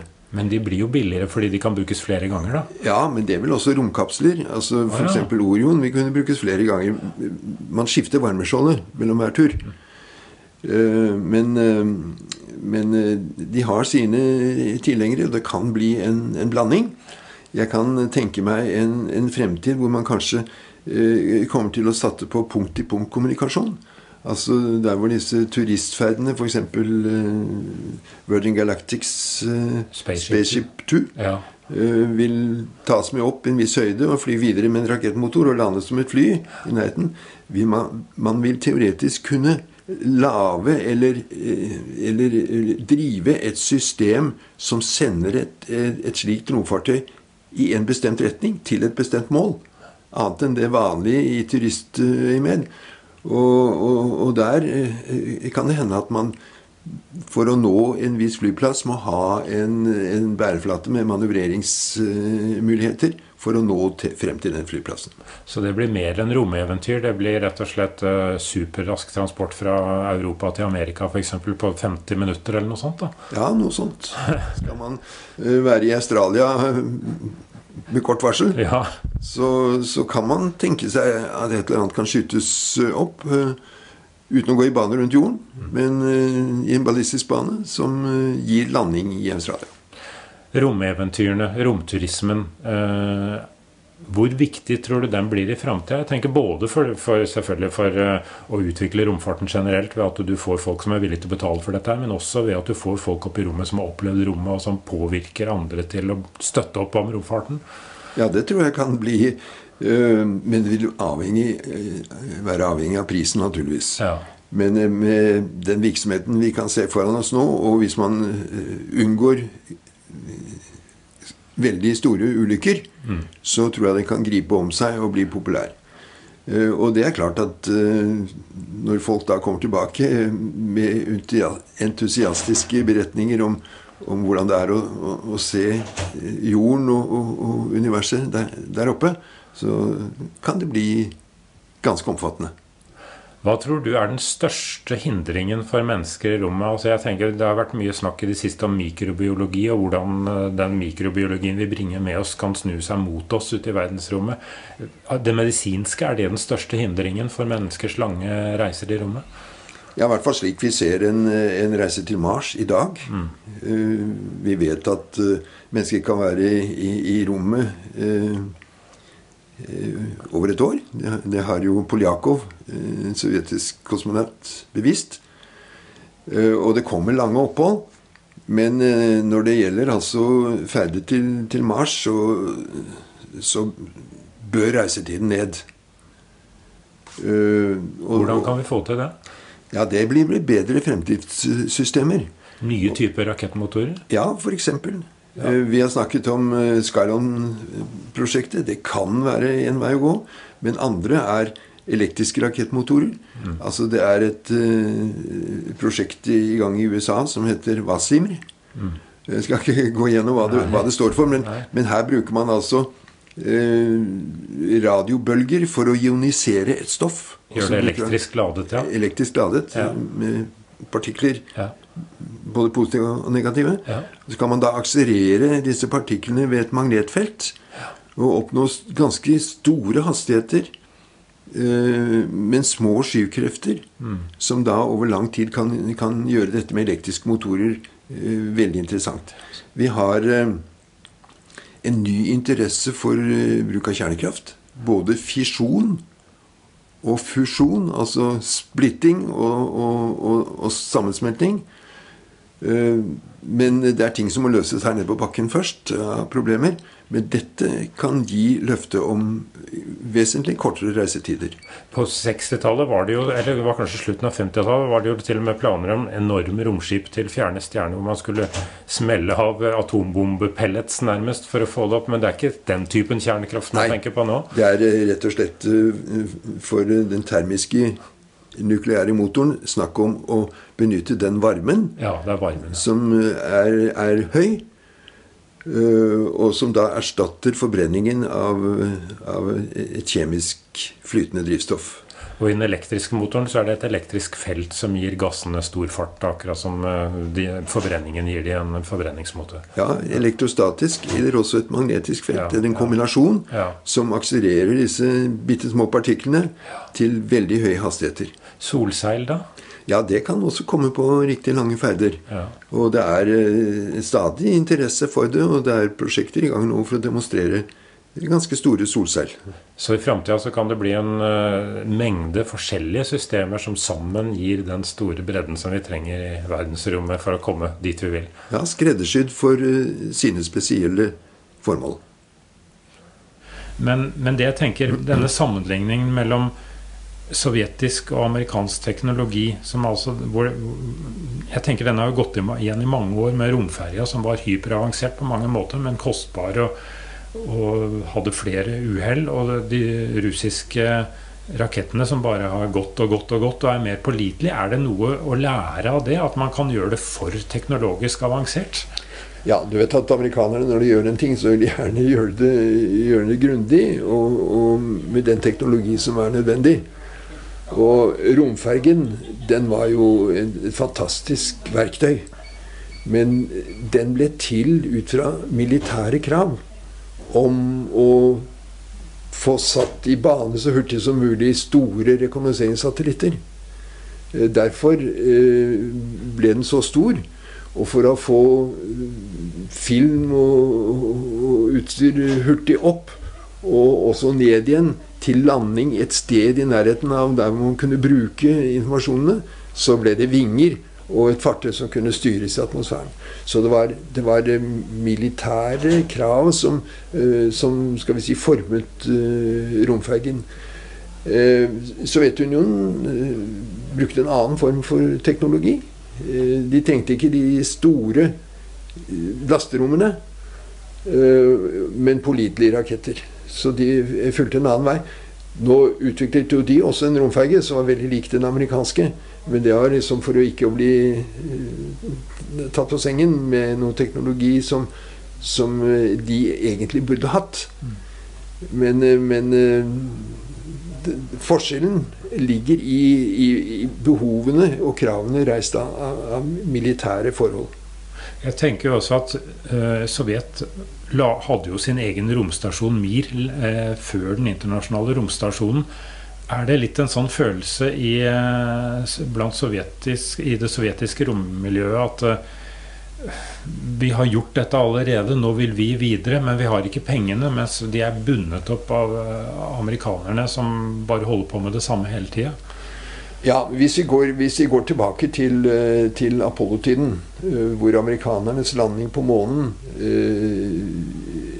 gjorde det ganske klart at eh, USA hadde gjenvunnet sin posisjon som teknisk ledende nasjon. Eh, de hadde vunnet romkappløpet. Eh, og etter at Sovjetunionen innså det, og skrinla sitt program. For de ville også til månen med mennesker i et kappløp med amerikanerne. Etter, at de, etter at de skrinla det, så begynte Sovjetunionen isteden å, å feste blikket på romstasjoner. Og det gjorde de først med Saljut da, eh, og Almas-serien, Mm, militære delen. Ja. Og før de begynte med MIR, mens amerikanerne brukte tiloversblevne eh, skal vi si, utstyr fra Apollo-perioden. Det skulle egentlig ha vært 20 Apollo-ferder, det ble bare 17. De hadde en del utstyr til overs, og de brukte, brukte da det til å bygge denne romstasjonen Skylab Det var en eksperimentell romstasjon. Sovjetunionen satset tungt på sine romstasjoner og hadde en opplagt ledelse i, i dette med å, å, å, konstruere, bygge og drive romstasjoner. Og det gjorde at uh, amerikanerne da, etter at de hadde fortsatt altså fra, fra, fra den første epoken med, med Saljut og, og, Almas, gikk over i Mir, så fant amerikanerne ut at de skulle også bygge romstasjon, uh, som ble da den internasjonale romstasjonen. Men, men det var to helt forskjellige retninger som altså Amerikanerne satte i gang sitt måneprogram. Og Sovjetunionen prøvde å holde følge. Men at amerikanerne vant, vant det kappløpet, det kommer av at her kom den store bredden i amerikansk teknologi og forskning inn i bildet. For det å komme til månen det omfattet veldig mange forskjellige disipliner og, og, og, og grener. Og her hadde amerikanerne sammen bedre økonomi Eh, muligheter til å trekke de store fordelene. Eh, Sovjetunionen oppnådde mye ved sin spissteknologi, men de hadde ikke den teknologiske bredden. Og så hadde de til like da uhell med sine tekniske løsninger. Eh, spesielt en stor bærerakett, da, N1, som skulle frakte deres fartøy til månen. Og ikke minst, de manglet den teknologiske bredden, de manglet økonomien. Og de hadde ikke eh, muligheter til å erstatte Sergej Koroljov, som døde i 66, eh, med en person med, med samme eh, tyngde og kraft som, som, han. Så det var flere forhold som, som spilte inn, og som gjorde at amerikanerne eh, vant med sin bredde eh, og høye nivå i teknologien fremfor Sovjetunionen. Det at uh, sovjeterne spisset seg og amerikanerne var mer i bredden, har det noe med de to samfunnssystemene å gjøre? At det var mye mer lukket i Sovjetunionen? Ja, jeg tror det. Uh, det er eh, med amerikanernes uh, demokrati og, og, muligheter for å trekke mange inn i bildet for å skape virksomhet, så kunne sovjetiske toppledere sitte og bestemme mål og, og, det var loven da. Det var ikke noe holdt jeg på å si, i den grad eh, demokrati kunne, kunne komme med, med, alternativer. Så det var lettere å dirigere ressurser inn i områder for å nå resultater. Men det ble likevel på lang sikt eh, mindre mulighet til å være fleksibel, kan du da kanskje si? At du ble mer spisset og hadde en helt spesiell kompetanse? Ja. Er det noe Er det en sånn eh, et sånt ankepunkt ved sovjetisk romteknologi som man også kan uh, tenke seg vil bli et ankepunkt mot den kinesiske? At de også vil spisse det for mye og ikke vil ha bredden?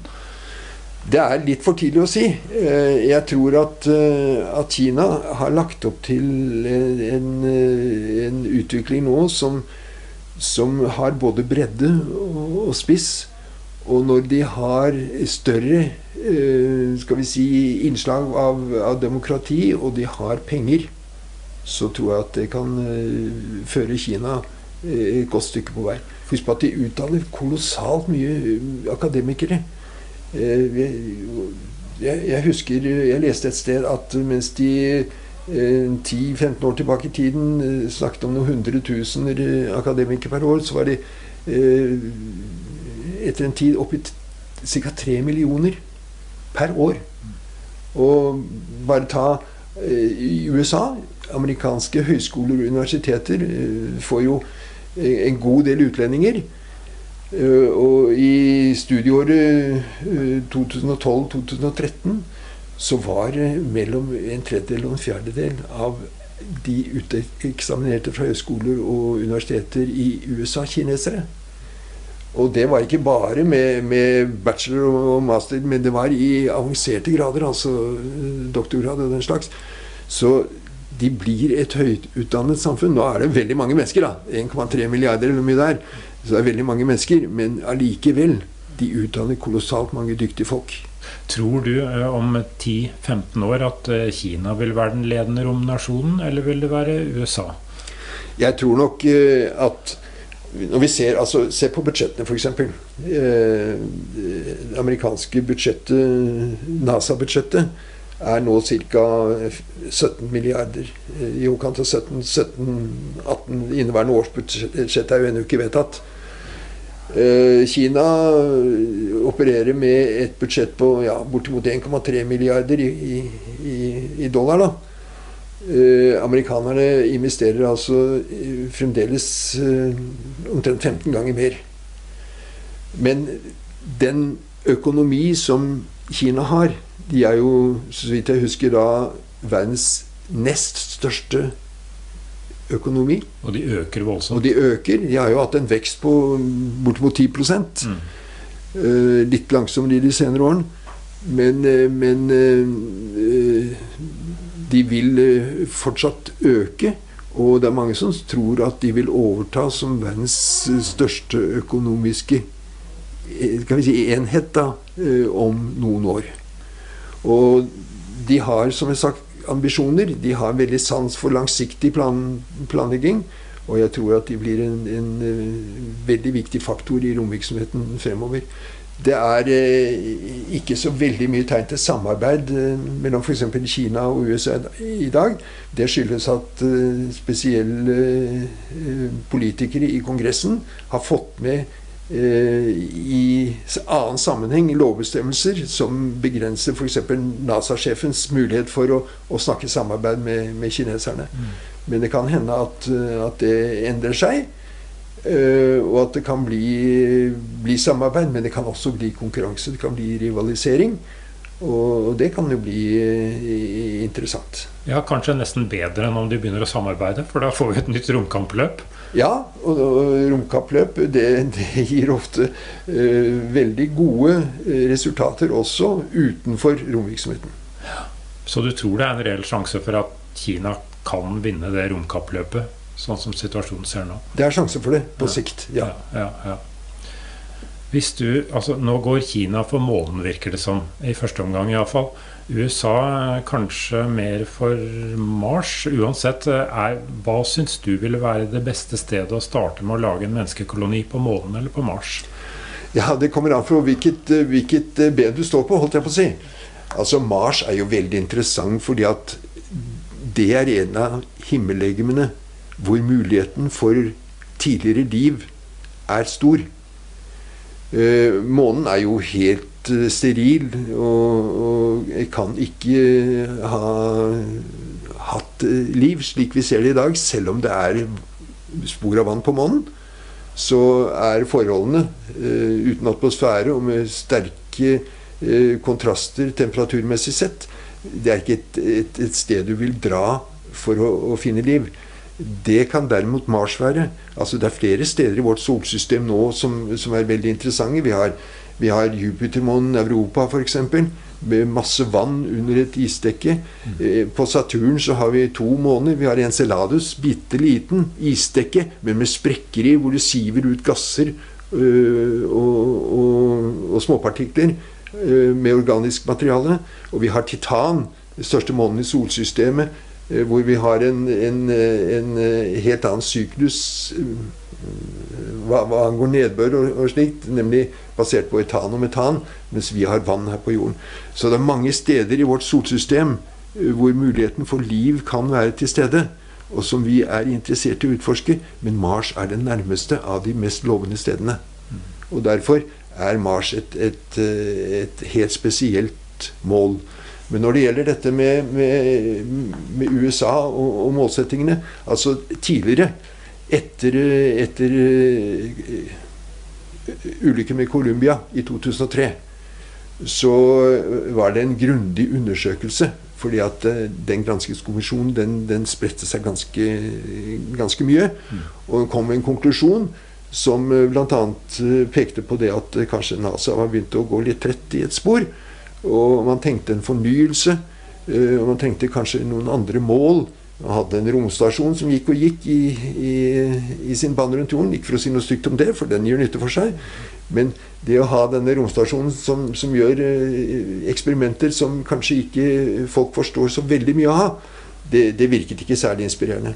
Så de kom da til at man kanskje burde eh, skal vi si, se litt videre, få et annet perspektiv.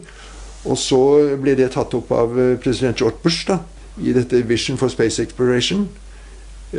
hvor han sier at USA skal sette romfergen på bakken, bygge en ny romferge.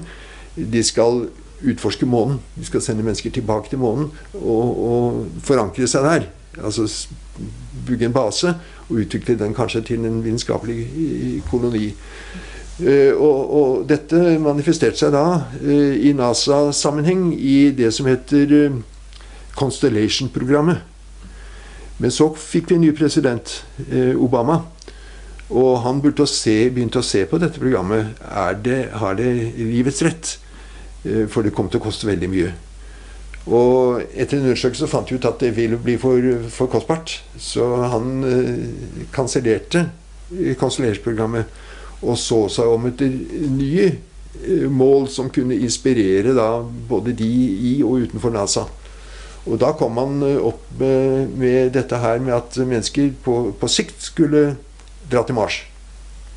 Og det eh, mener NASA fremdeles i dag. Men det skal ikke skje før i, i, i 30-årene. Rundt omkring i midten av 30-årene, kanskje litt før. Mm. I mellomtiden så trengte man noe annet å, å, holde oppmerksomheten fokusert på. Og så ble det til at han i 2010 foreslo at eh, man skulle sende mennesker til en asteroide. Og i dag er da eh, situasjonen den at USA skal innen 2025 ha besøkt en asteroide. Eh, og de har som langsiktig mål å dra til, eh, dra til Mars. Men eh, de skal holde også liv i romstasjonen. Og den er jo nettopp nå fått sin livslengde forlenget da, til 2024. Men, men det, er, det, er, de lange retningslinjene for, for USA. Kina er ambisiøs. Kina har målsettinger. Kina har masse velutdannede mennesker. Kina har, eh, har, eh, ganske mye penger. Og de eh, har sagt at de vil gjerne til, tilbake til månen. Og det er faktisk en uoffisiell, en slags undergrunnsbevegelse i USA av mennesker som gjerne vil tilbake til månen. Men det offisielle er altså en asteroide og, og Mars. Mm. Eh, Russland er interessert i, også i månen. Eh, og eh, det kan godt hende at de også kan tenke seg en tur til Mars, men, men, uh, men uh, flere, i flere land så er månen fremdeles et fokuspunkt. Mm. Mens USA foreløpig da har bestemt seg for en asteroide, og så Mars. Mm. For jeg tenker litt på disse ferdene er, Noen av de ferdene til asteroidene og de første antagelig til Mars også, det blir avsluttede, korte ferder. Det blir ikke snakk om rombaser. Men det som fascinerer meg også, er det når mennesker bosetter seg faktisk lever på en annen klode. At det vil gjøre noe med oss og kulturen vår. Eh, har du noen tanker rundt det? Ja, eh, for så vidt har jeg det. Men eh, la meg først si det da at å sende mennesker til Mars er forferdelig vanskelig. Mm det er lang vei. Avhengig av hvilke fremdriftssystemer man bruker, så vil det gå mange dager. Med de systemene vi har i dag, kanskje opptil 900 dager for en, for en ferd med landing og, og tilbake. Mens andre fremdriftssystemer kunne gjøre uh, turen atskillig kortere. Men selv om vi bruker nye fremdriftssystemer, så vil en tur ta veldig lang tid. Og derfor er den vanskelig sånn rent medisinsk sett. Eh, det er særlig tre ting. Det er dette med mikrogravitasjon, altså vektløsheten, hva den gjør med menneskekroppen. Det er det strålingen man blir utsatt for når man er utenfor Van Allen-beltene. Eh, så blir man utsatt for stråling på en helt annen måte. Både kosmisk stråling og, og høyenergipartikler fra, fra, solen i forbindelse med utbrudd der. Og det tredje er naturligvis det, det psykiske. Mm. Så det krever veldig mye. Uh, og, og, det er ikke så enkelt å opprette en, en, base på Mars. Men det er jo de som tenker seg at dette her skal man uh, allikevel prøve på utenom NASA. Mm. Og det er et nederlandsk prosjekt da, som, som, arbeider med tanken om å sende de første uh, fire mennesker på en ferd til Mars i 2022, faktisk. Uh, slik at de kan være fremme og begynne å opprette en, en, en, en base i 2023. Og så skal de da sende fire ved hver oppskytingsmulighet fremover til de er 20. Det er bare én ting ved akkurat det prosjektet, da, at det er bare enveisbillett det er snakk om her. Ja, Hva mener du om det prosjektet egentlig? Tror du det blir realisert noen gang? Nei, jeg tror ikke det. Jeg tror at uh, de som står bak det, undervurderer vanskelighetsgraden i å sende mennesker dit. Uh, og, og uh, jeg tror at de undervurderer kostnadene. Jeg tror at det vil bli tekniske problemer som de ikke kan forutse. Det vil bli medisinske problemer. Og det vil ikke minst bli moralske og etiske problemer i dette med å sende mennesker uten at de har mulighet for å komme tilbake. De blir jo eldre etter hvert? De blir jo eldre etter hvert.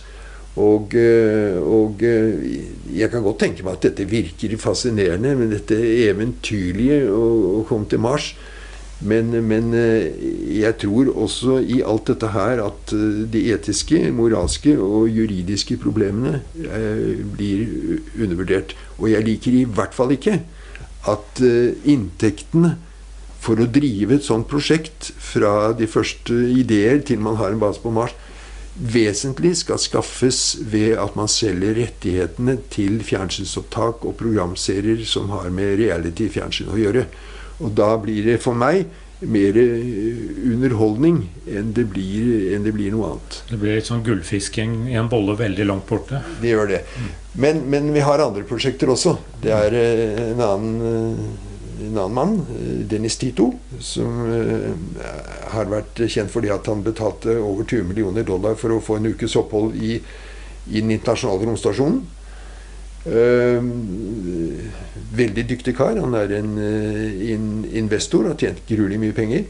Og han har lagt opp til en, en idé som går ut på å sende to mennesker til Mars i en fri returbane, slik at man kommer tilbake. Men de skal altså ikke lande.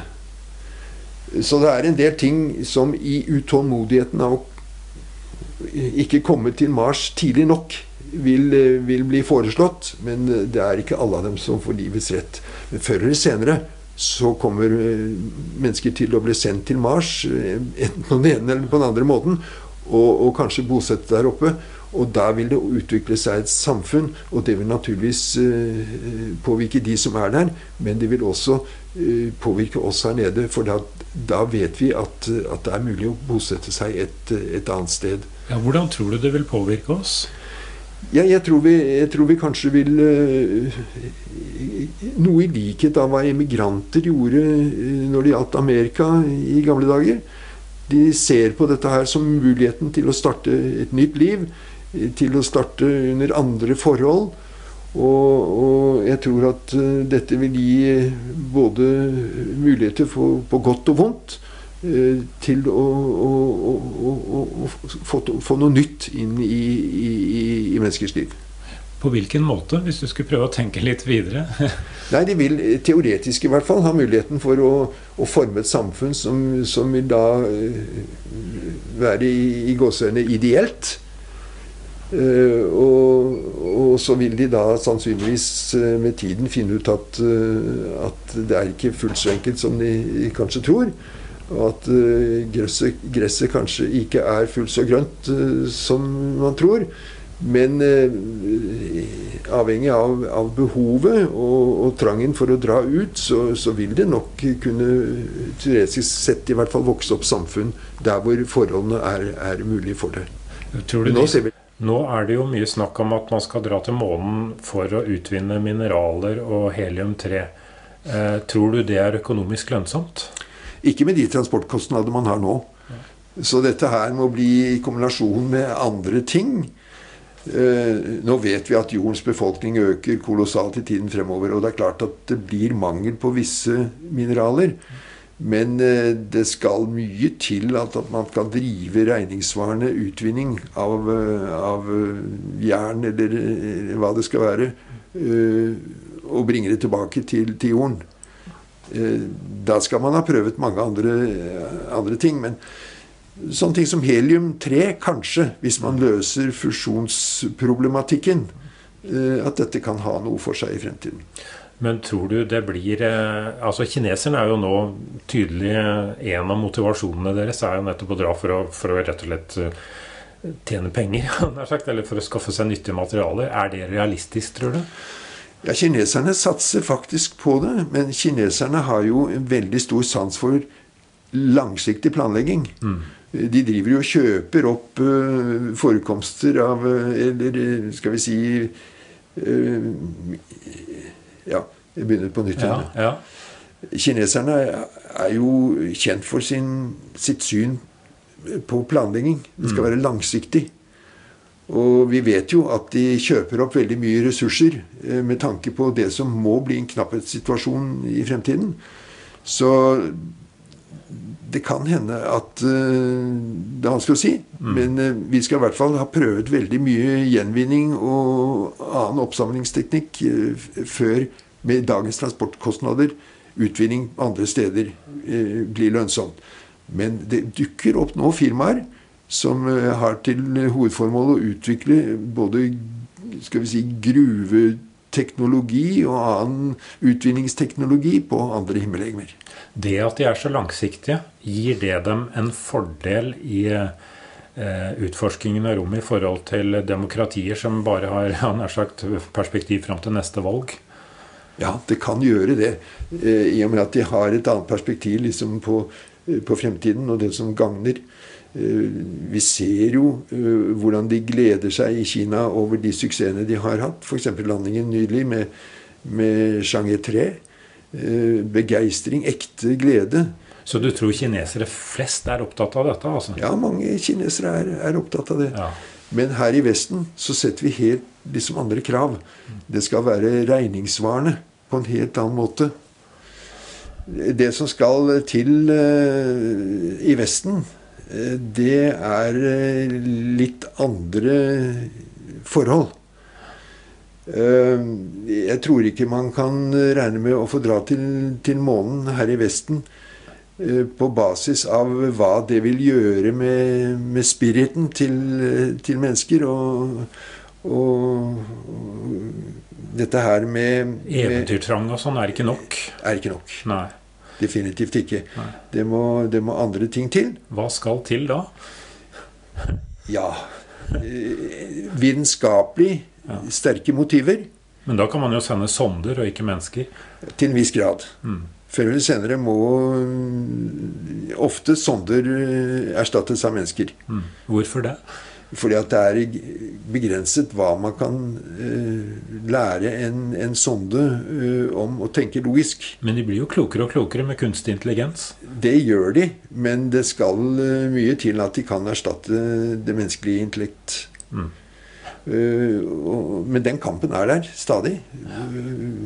Vi, har, vi, vi, vi, så den for ikke lenge siden ved et besøk på JPL, hvor vi spurte forskerne om akkurat det der. Mm. Og, og sånne blir bedre, og de kan utrette mye. Men, eh, men eh, de kommer veldig ofte til et punkt hvor, hvor menneskelig hjerne må, må overta. Mm. Så du tror at mennesker kommer til å dra til Mars også øh, først og fremst pga. vitenskapelige øh, motivasjoner, og ikke fordi de vil befolke andre planeter, utvide menneskeslekten osv.? Nei. Jeg tror, jeg tror det, er, det, er, veldig viktig uh, som uh, motivgrunn. Mm. Uh, men, men helt i bunnen så ligger jo dette her i genene våre med lysten og, og iveren og, og, trangen til å utforske steder vi tidligere ikke har vært. Og den føler du ligger i dine egne gener også? Ja, til en viss grad. Skulle du ønske at du kunne komme opp i verdensrommet? Ja, jeg skulle det. Ja. Men jeg, ikke, jeg, skulle gjerne tatt en tur til månen. Ja. Men jeg er litt usikker på, på, Mars. For eh, slik vi ser det i dag, så er det en, en lang ferd med en del uh, faremomenter som uh, vi nok må prøve å finne løsning på før vi drar. Men, men allikevel så er det en lang og, og til dels farefull ferd. Mm. Så den er jeg litt mer i tvil, i tvil om, i hvert fall nå. Men å stå på månen og se ned mot jorda, det kunne du tenkt deg? Det kunne jeg tenkt meg.